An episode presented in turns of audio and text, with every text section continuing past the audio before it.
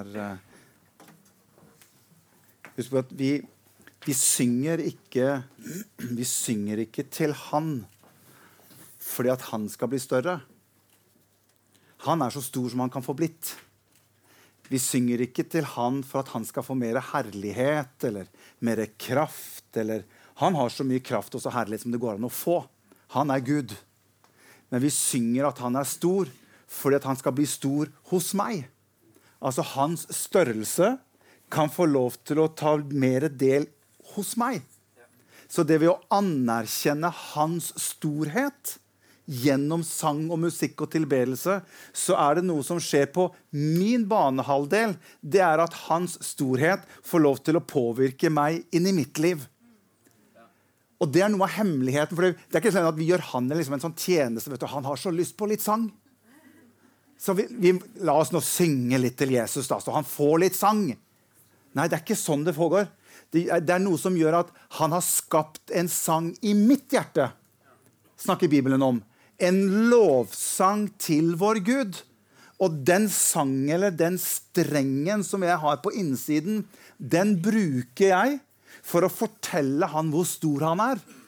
Og hvor mektig han er, og hvor majestetisk han er. Og ved at jeg spiller med den strengen i sang og, og, og, musikk, så gjør det at hans storhet, som jeg tilkjennegir han, det begynner å påvirke meg tilbake. Derfor det står når, når, når, Jesus blir fristet ut i ørkenen, så kommer den onde til han, og så sier han, hvis du vil falle ned og hva sier han for noe? Og tilbe meg, så skal jeg gi deg alt det du ser rundt. Den onde vet at det du og jeg tilber, det gir vi makt. Og alle mennesker, du og jeg, ja, du også inklusiv, det er noe som, ja, nå, nå prater han til hun der. Det er godt at hun får høre det nå. Nå, nå må, må, må, du følge med. Alle mennesker tilber noe. Og alle mennesker sliter med at ting i livet vårt får makt inn på området vårt. Derfor sier den onde til Jesus at hvis du faller ned og tilbør meg, så skal jeg gi deg alt. Han visste det at det finnes en makt i den tilbedelsen. Ikke for Guds sin del, men for hans del. Så når jeg tilber Jesus, så gir jeg Jesus makt. Henger du med? Han får makt i mitt liv. Jeg plasserer hans makt, hans majestet, hans godhet, hans herre. Jeg, jeg, jeg, jeg, på en måte plasserer det i mitt liv. Derfor er jeg så nøye på at det ikke går for lang tid før jeg anerkjenner han for hvem han er. For Hvis det går for lang tid, så begynner andre ting å bare preste seg på nærmere og nærmere. Og så er det andre ting som stjeler litt den plassen som jeg skal ha i mitt hjerte. Og det er én som skal sitte på tronen i mitt hjerte. Og det er kongenes konge og herrenes herre. Derfor snakker Bibelen snakker om, av og til om at har du latt sangen din stilne. snakker Bibelen om. Hvor blir det av sangen din? Du som sang og spilte på harpe, snakker, snakker Bibelen om. Hvor har, det, har den stilnet På gamle dager så sa vi har den stilnet hen? Er, er den borte? La, la den strengen som Gud har lagt ned i ditt og mitt liv, bruk den til å gi han ære og pris.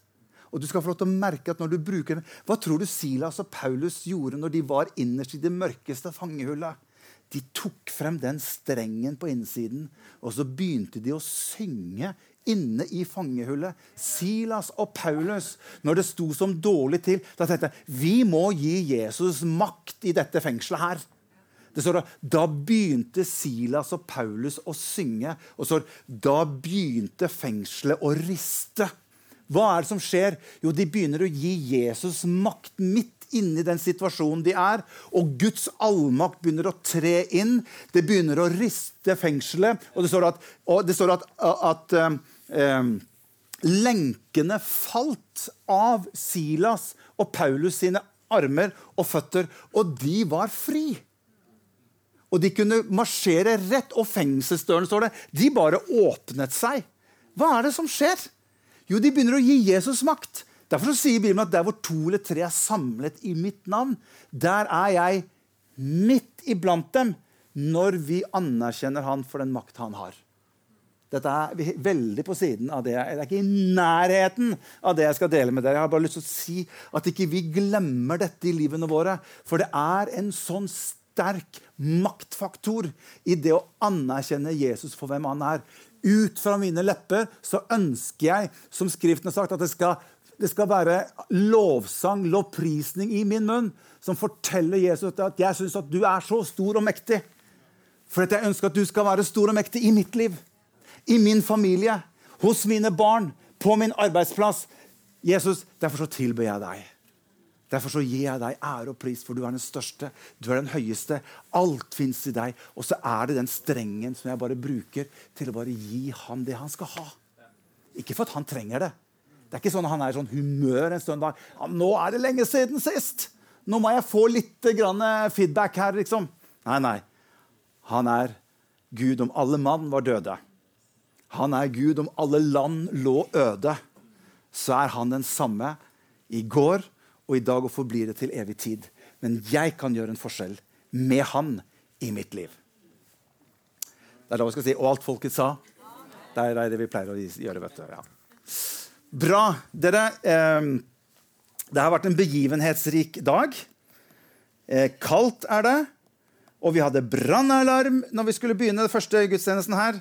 Det er alltid så gøy å høre de eh, brannalarmen gå når folk begynner å sette seg og vi begynner å bli klar for gudstjeneste. Så er det bare sånn bring, ring. Og så, da kjenner jeg liksom at inspirasjonen bare Den stiger. Jeg blir så glad.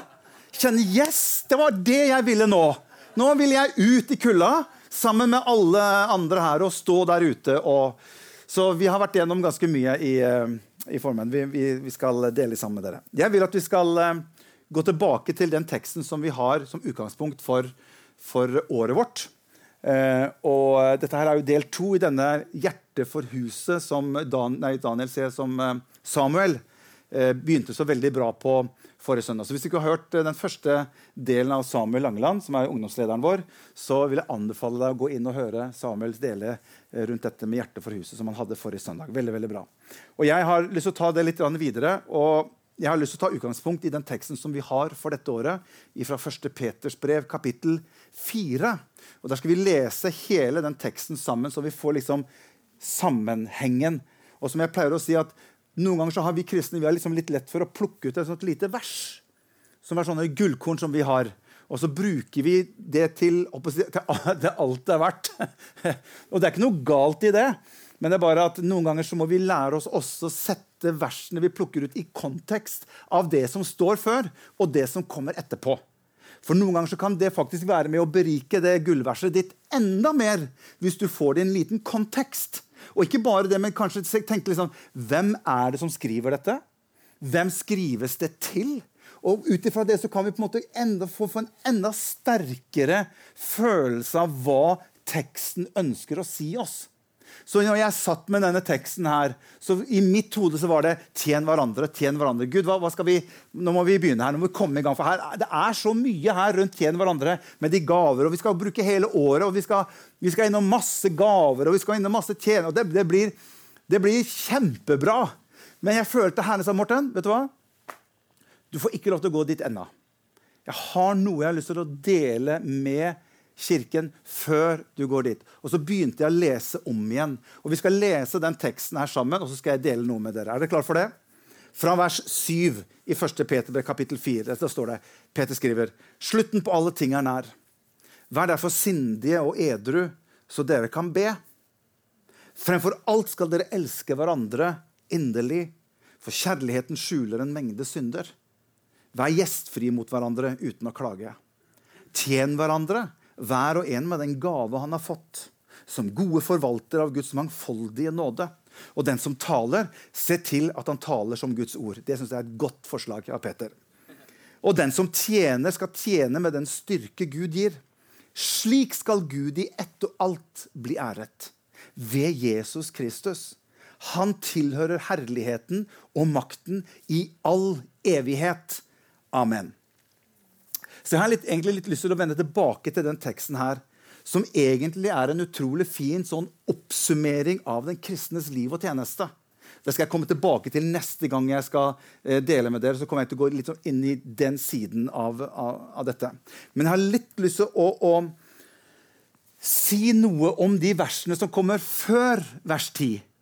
For det er noe når jeg satt med dette, så følte jeg hvordan Den hellige ånd bare inspirerte mitt hjerte. Jeg liksom satt og leste og føler på en måte at Gud begynner å gi meg ting og vise meg ting i den teksten her som jeg har veldig lyst til å, å, å, dele med dere. Så jeg har lyst til at vi skal gå tilbake til vers 8. Og her sier Peter noe fantastisk. Han sier Framfor alt, sier Peter, skal dere elske hverandre inderlig. For kjærligheten skjuler en mengde synder. Så Peter begynner med å si han, 'framfor alt'. Ok, Så når noen av en sånn kaliber som Peter sier det, at framfor alt, da egentlig er jo han i ferd med å si noe som vi må, vi må virkelig legge merke til. Hva er det han sier for noe her? Og det som er litt rart når du leser Riksskriften, det er at det er mange som kommer med sånne framfor alt. Så det er liksom, liksom litt rart. Hva skal vi forholde oss til? For Jesus, han, Hvis du følger med Jesus i, i uh, Matteus kapittel 6, så sier jo han 'søk Guds rike først av alt'. Eller så sier jo Jakob i sitt, i sitt brev i, i, kapittel 5 han sier jo 'framfor alt så må dere ikke sverge, mine søsken'. Hvor han snakker om at enten så er det ja, eller så er det nei hos dere. snakker han om. Jeg skal ikke komme inn på det. Og så har du jo den viseste av de alle, Salomo. Han skriver jo det i kapittel 4 i ordspråket. Så sier han 'bevar ditt hjerte' framfor alt du bevarer. Eller Paulus også er med på dette. og Han skriver til, til menigheten i Efesus og sier han i kapittel 6.: Ta framfor alt troens skjold. Men her kommer Peter inn med sin versjon og begynner å skrive 'framfor alt dere'. Liksom, vet hva, jeg, jeg, vet at de andre også snakker om dette med 'framfor alt', men jeg vil faktisk også si til dere altså, 'framfor alt, alt, alt'. Så vil jeg si til dere, elsk hverandre inderlig.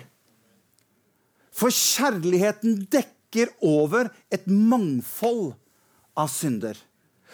Og når jeg sitter og leser dette her, så er jeg liksom sånn Peter, hva er det du ønsker å si i den teksten? Hva ligger bak de ordene? Hvorfor trekker du fram dette, Peter, framfor alt? Elsk hverandre inderlig. Tenk på Peter, dere. Han er en av de som var med Jesus hele Jesu tjeneste. Han ble plukket ut ganske tidlig av Jesus til å følge ham. Og Jesus forlot fiskejobben sin og ble med Jesus og fulgte han i alle disse årene. Det er Peter det er han som skriver dette i etterkant, når han ser tilbake på det livet han har hatt sammen med Jesus. Og Ikke bare ser han tilbake på liksom livet han har hatt sammen, men han ser tilbake på hvordan han har hatt det i sitt liv sammen med mesteren. Dette er den Peter som rett før Jesus skal korsfestes, så kommer Jesus til Peter, og så sier han, 'Peter, før hanen galer, så kommer du til å fornekte meg tre ganger.'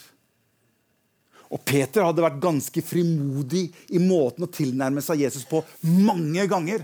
Og han hadde sagt vet du hva, om alle de andre her om de stikker fra deg, Jesus Ikke jeg. Nei, nei, nei. Meg kan du regne med, Jesus. Jeg kommer til å følge deg inntil døden, om så skal være. Peter, før hangaler kommer du til å ha fornektet meg tre ganger. Det er han som skriver dette. Elsk hverandre inderlig. Og så kjenner vi til når Jesus har blitt tatt til fange, og Peter han har begynt å trekke seg litt unna. Han greide ikke helt å følge opp alt det han hadde sagt sjøl. Og til og med når de står der ute på tempelplassen, og kanskje det var noen sånne bål hvor de sto litt rundt og holdt varmen, og de står der, og Peter han begynte å fryse, han måtte stelle seg litt. Og med en gang lyset fra bålet gir gjenskinn i ansiktet, så er det andre som står i nærheten og så sier er ikke, du, er ikke du en av de som har hengt sammen og vært en av disiplene til Jesus? Nå begynner Peter å komme inn i en situasjon hvor han opplever at dette er utfordrende for meg. Han som hadde sagt at Jesus, jeg kommer til å være med deg inn i døden. Meg kan du regne med. Plutselig så er det en som begynner å stille et spørsmål som der og da ble vanskelig for Peter å forholde seg til. Så sier han, nei, nei jeg eh, Han kjenner jeg ikke, du. Men hva, hva var du kalt den for? Jesus? Nei. Han, eh, han, kjenner ikke jeg. Du må, du må ha misforstått meg med, med, med, en annen. Og Han kjenner så godt på innsiden av seg sjøl hva det er han gjør midt i nuet. Så går det en liten stund, Kanskje Peter trakk seg litt unna. Her kan jeg ikke stå, for her er det litt trøkkende stemning. Kanskje han går litt bort til en annen flamme og står litt der. Og så er det en annen som Du, få se nærmere på deg. Du er jo en av Tre ganger fornekter Peter at han kjente Jesus. Og Det står til og med at den siste gangen så står det at Peter han banna på at han ikke kjente Jesus. Det er han som skriver. Elsk hverandre inderlig, dere. Og det står at Da løp Peter ut og utenfor bymuren etter han skjønte, for da plutselig så galer hanen. Og da plutselig så husker jo Peter hva Jesus hadde sagt til han, at før ga han, eh, ga haler la, la gale, Nå må jeg ha litt tydning på dette her. Før hanen galer, så kommer du til å fornekte meg. Og når hanen galer, så kjente Peter dette blir for mye for meg. Det gikk akkurat som han hadde sagt, enda jeg hadde sagt han at jeg skal følge med han inn til døden. Og da løper Peter ut for bymuren, og da gråt Peter. Han knakk sammen på utsiden av bymuren og kjente at dette er ikke bra. Han som jeg hadde bestemt meg for å følge, han som kalte på livet mitt. Jeg greide ikke å si at jeg kjente han engang. Og så lusker han litt inn på tørker fra tårnet og kommer seg inn igjen på tempelplassen. Og med det samme han kommer inn, så kommer Jesus ut og har vært inne hos Herodes. Han kommer ut på, på tempelplassen, og det står at da så Jesus Peter. Og han sender Peter et blikk. Og når jeg sitter og tenker jeg, Hvilket blikk er det Jesus sender Peter der og da? Ja, Der ser du, Peter. Jeg, jeg, jeg, sa det. Det er så typisk deg, Peter. Jeg visste at du kom ikke til å kunne greie det. Jeg visste at du ikke kom til å, å, å, stå for meg når det gjaldt som mest. Er det de øynene som treffer Peter? Jeg tror når Peter kommer inn, og Jesus treffer ham, og øyekontakten er der, så treffer det noe Peter fra Jesus, hvor Jesus sier, 'Peter, jeg er utrolig glad i deg fortsatt, Peter.' 'Jeg elsker deg like mye nå som før du fornektet meg.' Og Peter, jeg har fortsatt bruk for livet ditt. Jeg, si, jeg hadde vært meg, jeg hadde knekt det en gang til. Jeg hadde løpt ut en gang og grått videre. Men det er denne Peter som skriver sitt brev og sier dere må elske hverandre inderlig. Det ligger noe i teksten av en egenerfaring fra Peters sitt liv sammen med Jesus. Og Det er derfor han løfter dette som fram og sier framfor alt dere, dere må elske hverandre inderlig. Og så dør Jesus, og Jesus står opp igjen. Og Peter Vi kjenner jo til han. Altså, jeg, jeg, er så utrolig glad for at Peter er med i den gjengen her i, i Bibelen. Jeg, jeg, kjenner meg igjen i Peter. Det er fantastisk å ha Peter der. Hadde ikke Peter vært der, det hadde vært litt mer fattig å ikke ha han med. Men han er en som jeg kan kjenne meg litt igjen i. Og når Jesus hadde stått opp inn fra det døde, og Peter og de hadde gått og fiska og Så kommer de inn den morgenen, og så ser de jo en som er inne ved vann, vannkanten der, eller på stranda. Og Johannes er den som legger merke til du, det må være Jesus. Og når Peter skjønner at det er Jesus som er der det står at kastet, han, han, kastet av seg klærne og hoppet ute i vannet og svømte inn. Han hadde ikke tid å vente engang, for gutta hadde rodd båten inn. Og Han løper opp på veikanten og sier, 'Jesus, er det deg?' Og det står at Jesus han hadde, han hadde, laget et måltid til dem. og De setter seg ned og de spiser sammen. Og så er det Jesus tar Peter og sier Peter, bli med meg litt. Bli med meg. Gikk dem litt til sides, og så steller Jesus seg fram foran Peter. Og Jeg vet ikke hva Peter tenker. Det er jo ikke så godt. Hva kommer nå? Hva, hva, hæ? Bare jeg? Og, dem, og ikke, noen, ikke, noen av de andre gutta? Bare jeg som skal bli Peter, kom hit. Så sier Jesus til Peter, 'Peter, elsker du meg?' Og Peter kommer i en litt sånn vanskelig situasjon. for deg. Hva, hva skal jeg svare nå? Skal jeg, skal jeg, prøve på nytt igjen og bare lage en slags form for sånn fasade? Og bare liksom Ja, selvfølgelig elsker jeg deg, Jesus. Det er jo klart. Jeg, Å ja, jeg, ja. Ja, jeg elsker deg. Å, jeg elsker deg kjempemasse. Skal jeg gjøre det? For kanskje Peter tenker det gikk ikke så bra forrige gang. Og det er akkurat som Peter han må velge litt hva han skal gjøre i situasjonen. Og Så sier Peter til Jesus, 'Jesus, du vet at jeg du vet at jeg i hvert fall er glad i deg. Du vet at jeg i hvert fall liker deg. Du vet at jeg har deg kjær. For det, det, ordet Jesus bruker, det nivået han bruker når han spør Peter om du elsker meg, det blir for høyt nivå for Peter å svare tilbake med samme kaliber og samme nivå. Så Peter han vet at 'jeg greier ikke det'.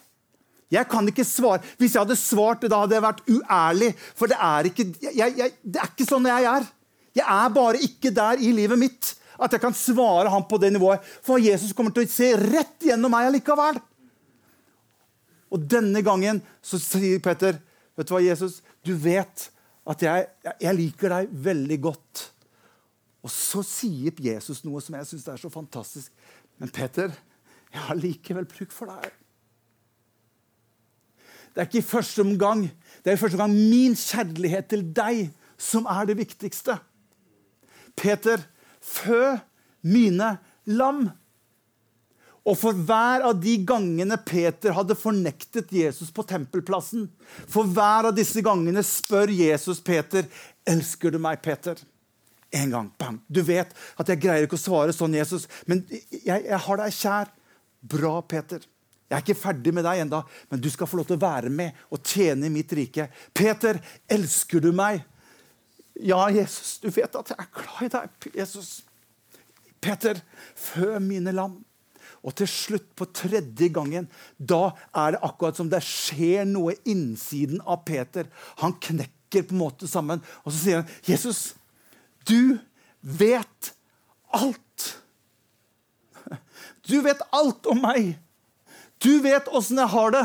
Du vet at jeg ikke alltid greier å stille sånn som jeg skulle ønske. Du vet at jeg ikke alltid greier å måle meg opp imot ditt nivå. Du vet alt, Jesus. Og jeg greier ikke å svare på samme nivå som det du spør meg om. Men du vet alt, Jesus. Du vet at jeg har deg kjær. Og så sier Jesus, men jeg fortsatt vil ha deg med, Peter. Jeg ønsker å bruke deg likevel, men jeg ønsker Peter, at du skal komme til sannhetserkjennelse med hvor du er i forhold til meg. Det hjelper ikke å ha en fasade, Peter, i, liv, i ditt liv. Det er ikke fasaden din som gjør at jeg blir imponert. Jeg vil ha tak på hjertet ditt, Peter. Jeg vil ha tak på hvem du er, Peter. Det kan jeg bruke. Og Peter sier, 'Du vet alt, Jesus'.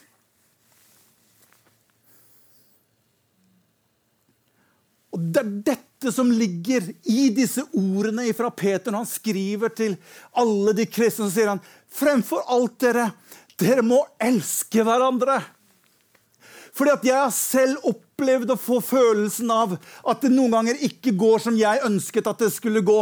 Men mesteren Jesus han har alltid vist meg sin kjærlighet mot meg. Og det må vi gjøre med hverandre også, sier Peter. Dere må fremfor alt elsk hverandre inderlig. Jeg kjenner at jeg blir emosjonell her, men det får bare, det får bare være. Jeg kjenner meg så godt igjen i Peter. Og jeg takker Gud for Peter. Du kan takke for Jesus, men jeg takker Gud for Peter òg, jeg, altså. Oi, oi, oi. Og jeg tror at noen av disse hendelsene når Peter sitter og skriver dette, at det kommer tilbake til han som minner. For han hadde vært sammen med Jesus hver dag, og han visste at Jesus han kjenner meg ut og inn. Jeg kan ikke lage noe skuespill. Jeg kan ikke sette på noen fasade for han i det hele tatt. Han kjenner meg tvers igjennom. Men på en måte så er det litt ålreit òg, for jeg kan få lov til å være helt ærlig innenfor han. Og likevel så aksepterte han meg. Likevel så ønsket Jesus å ha meg med. Hadde det vært at Jesus vendte meg ryggen og sagt vet du hva, hvis ikke du elsker meg på det nivået der, Peter, ja, så kan jeg ikke bruke deg. Men for hver gang så sier Jesus, fø mine lam, Peter. Vær med i tjeneste for meg. Jeg har bruk for deg likevel. Og noe av dette gjorde at Peter nærmere og nærmere og nærmere kommer han. At Jesus virkelig får tak på Peter sitt liv. Det var at Jesus hadde tålmodighet med meg. Han ga meg ikke opp. Han oppmuntret meg og sa at han fortsatt hadde bruk for meg. Det er min egen oversettelse av Peter. Det er mellom linjene her. Og så sier Peter noe som jeg tenkte på. Jeg må, jeg må, hva er det du mener? For å si Peter, At vi skal elske hverandre inderlig. For kjærligheten dekker over en mengde synder. Jeg vet, hvis jeg skal liksom, hva, hva, hva, hva mener du med det, Peter? hvis jeg skal liksom, sånn første måte å, liksom, å, å, å, tenke det på, det er sånn ok, du, du, du, kan bare synde akkurat sånn som du vil. liksom. For at kjærligheten mellom oss gjør at nei, det dekker jo bare over. Du kan jo nesten lese det sånn at bare vær glad i hverandre inderlig. For kjærligheten mellom oss det gjør at det bare dekker over en, en mengde synder. Men det her som står her, det er jo noe av det som Peter ønsker å få fram. Det har noe med at det, du og jeg har kommet inn i Guds frelsesplan. Det har noe med at vi har kommet innunder der hvor Guds frelse dekker over, og ikke bare dekker, men tar bort vår synd. Og det som Peter snakker om her, det er ikke bare med frelse, men det har med at du og jeg, istedenfor at vi skal se på hverandre og prøve å finne feil og mangler hos hverandre, som vi noen ganger gjør, så snakker Peter om her vet du hva, hvis, hvis det var sånn at Jesus skulle finne alt det bare feilene hos meg, så hadde jeg vært ute her for lenge siden. Men hans kjærlighet til meg gjorde at han likevel dekket meg opp. Jesus kjærlighet for meg gjorde at han likevel ga meg en ny sjanse. Jesus kjærlighet til meg gjorde at han fortsatt hadde bruk for meg, selv om jeg lå nede. Selv om jeg hadde gjort noe som ikke var bra, så hadde Jesus kjærlighet den var der og løftet meg opp igjen, slik at jeg kunne gå videre sammen med han. Det er det som ligger i det at istedenfor at du og jeg på en måte liksom Har du hørt at han eh, er ikke bra, vet du? Og hun, vet du, det det er liksom, meg, og, det, og de og, og, og, så blir vi litt sånn Og nesten noen ganger så er vi nesten litt sånn derre Han falt, ja. Ja, det kunne jeg ha sagt deg. Og noen av oss sier det òg, vet du. Og så blir vi nesten litt sånn vi, vi blir nesten litt sånn opphøyet i vår egen åndelighet over andres fall. Det er ikke lov i Guds rike. Og det er det Peter sier her, at vi skal elske hverandre inderlig. For kjærligheten til hverandre det vil være med å dekke over. Den vil være med å sørge for at vi ser til hverandre. Og istedenfor at vi liksom Ja, du må bare se oss Så løfter vi hverandre opp fordi vi mister ikke kontakten med hverandre. Vi mister ikke troen på hverandre, men vi løfter hverandre opp i kjærlighet. Og det er det Peter sier. Hadde ikke Jesus gjort det med mitt liv, så hadde jeg vært ute herfra for lenge siden. Elsk hverandre inderlig, sier Peter, for kjærligheten dekker over en mengde synder. Nå skal jeg forte meg. Peter han tenkte sikkert på når Salomo skriver i Ordspråket kapittel 10 og vers 12 Hat vekker splid, men kjærlighet skjuler alle synder. Er ikke du glad for at det var en som kom og dekket dine synder? Er ikke du og jeg glad for at det var en som kom og faktisk gjorde slik at jeg kunne få mine synder dekket? Vi elsker ikke andre hvis vi gleder oss over å finne og avsløre deres feil og synder. Snarere så dekker kjærligheten over en mengde synder. Og det er dette Peter, dette Jeg ser for meg Peter når han sitter og skriver, så husker han alle disse her. Oi, oi, oi. Matteus kapittel 18, vers 22. Matteus 18, vers 22. Peter, prøvde seg, Peter prøvde seg mange ganger når han var sammen med Jesus. Det er morsomt å lese om Peter. Han prøver seg om igjen og om igjen. og det er, det er, noe som er så spesielt med han. Her er han på'n igjen.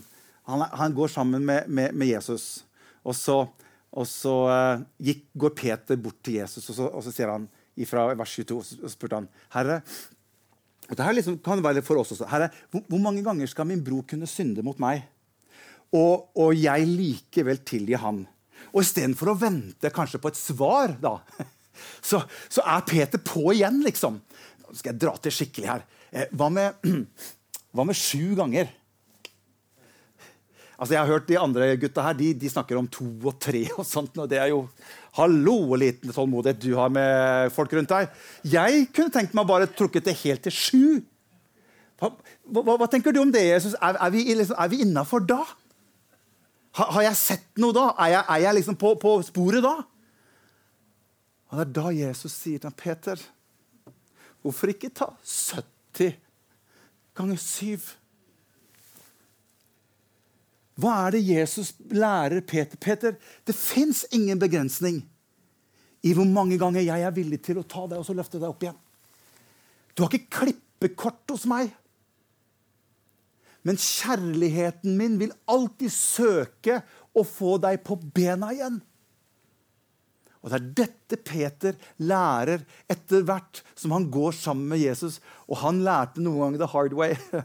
Han fikk noen ordentlige lærepenger hos, hos Jesus. Men Jesus ga aldri Peter opp.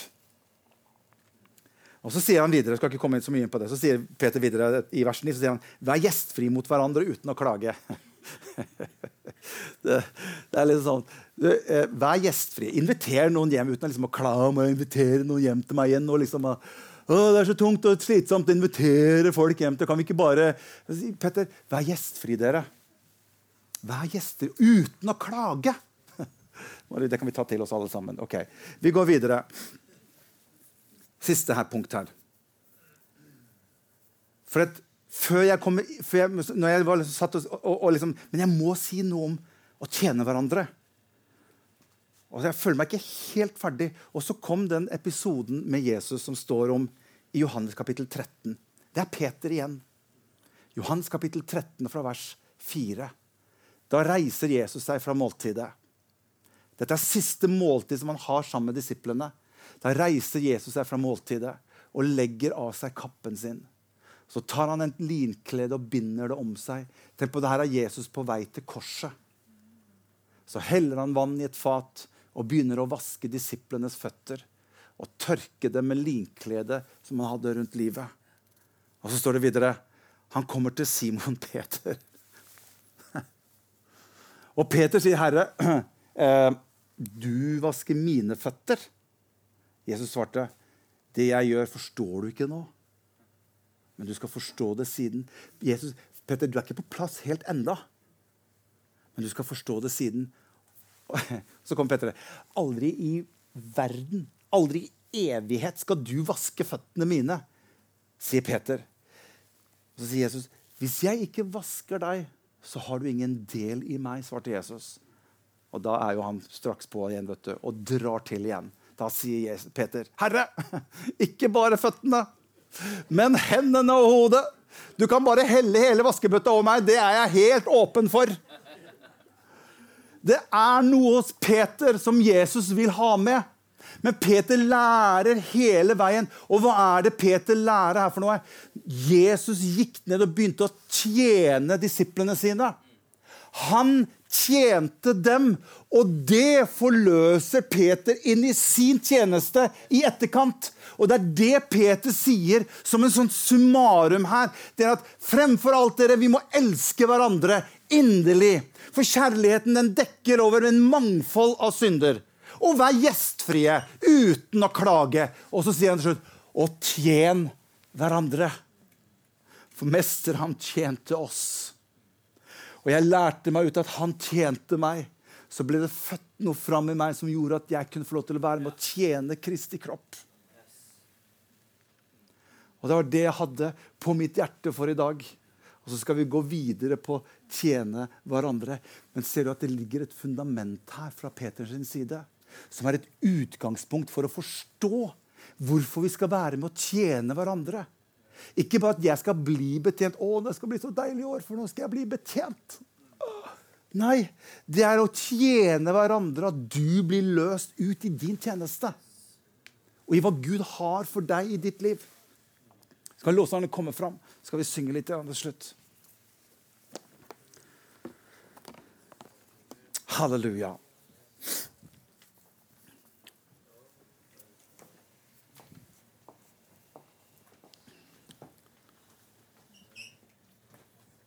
Takk, Jesus. Kan vi ikke reise opp, alle sammen?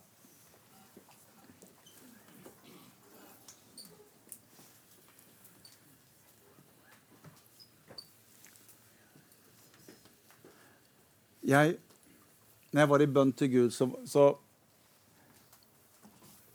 så føler jeg på en måte at Gud han sier til meg Morten, jeg vil at det, skal være en raushet iblant mitt folk for hverandre. Vi må aldri bli en kirke hvor vi driver og plukker på hverandre. Og plukker fram og tilbake på hverandre. Jeg syns at du, du burde Du kan, kunne kanskje kan, og, og, og, så blir vi sånn picky church som, som, driver og på en måte skal prøve å finne feil hos hverandre. Jo flere feil du finner hos noen andre, jo bedre står det til med deg og meg.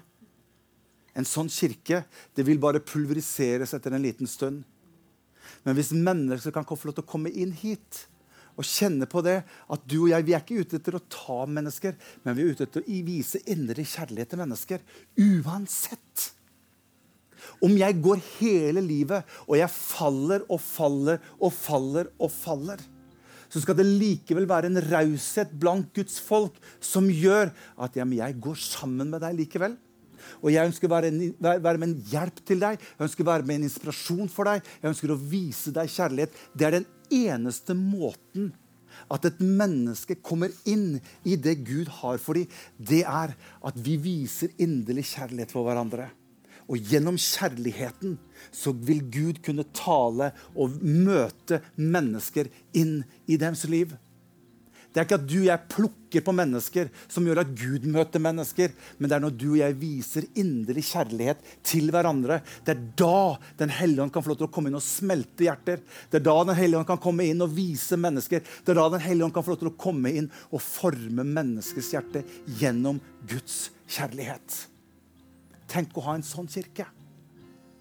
At ikke jeg trenger å gå inn med litt bøyet hode for at folk vet eller folk har en mistanke. Men at vi har en kjærlighet imellom oss. Og kjærlighet, Guds kjærlighet den driver frykten ut. Slik at Gud kan få lov til å komme inn og gjøre sitt verk. Og noen dager etterpå så stiller Peter seg fram. Og så forkynner han evangeliet på pinsedag. Som han bare noen få dager før han hadde benektet Jesus og forkastet ham. Tre ganger. Til og med banna. Nå står han fram der, og så forkynner han evangeliet. Og 3000 mennesker tar imot Jesus til frelse. Ut fra Peter. En sånn kirke ønsker Gud å ha midt i Sandvika. Det forløser mennesker til tjeneste. La oss synge litt sammen. Gud velsigne dere alle sammen.